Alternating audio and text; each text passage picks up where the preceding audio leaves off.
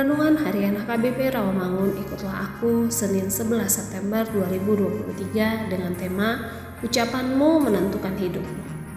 Bacaan kita pada pagi hari ini diambil dari Yeremia pasal 14 ayat 1 sampai dengan ayat ke-6 dan bacaan kita pada malam hari ini diambil dari Roma pasal 12 ayat 16 sampai dengan ayat 18. Dan kebenaran firman untuk hari ini diambil dari Amsal pasal 21 ayat 23 demikian firman Tuhan.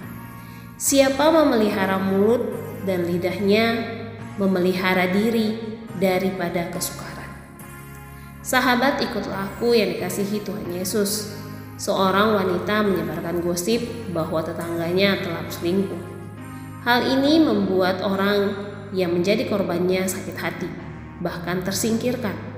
Ternyata berita itu tidak benar Wanita itu pun menyesal lalu ia datang kepada seorang hamba Tuhan untuk meminta nasihat.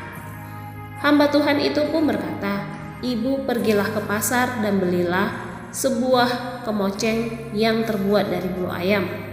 Kemudian dalam perjalanan pulang, cabutilah bulu-bulunya dan buang satu persatu di sepanjang jalan. Setelah itu kembalilah ke sini Perempuan tersebut melakukan apa yang dikatakan hamba Tuhan tersebut. Kemudian hamba itu pun berkata, "Sekarang pergilah dan kumpulkanlah kembali semua bulu ayam yang telah ibu buang dan bawalah kemari." Wanita itu pun melaksanakan apa yang diperintahkan hamba Tuhan itu.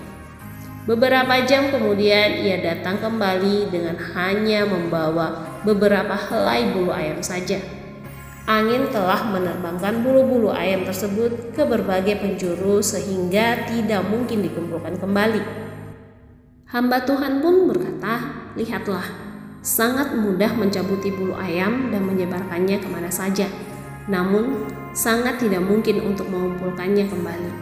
Begitu pula dengan sebuah cerita, tidak sulit untuk menyebarkan gosip, tetapi Sekali diberitakan, kita tidak akan pernah bisa memperbaiki keadaan secara utuh seperti sedia kala.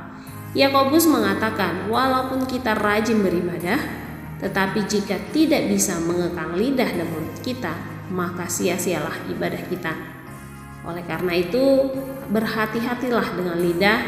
Marilah kita tanamkan prinsip cepat mendengar tetapi lambat untuk berkata-kata. Amin. Marilah kita berdoa. Aku ingin melayanimu dalam kebenaran, hanya mengandalkan kuasa kemenanganmu. Ya Tuhan Yesus, melalui mulut dan lidahku. Amin.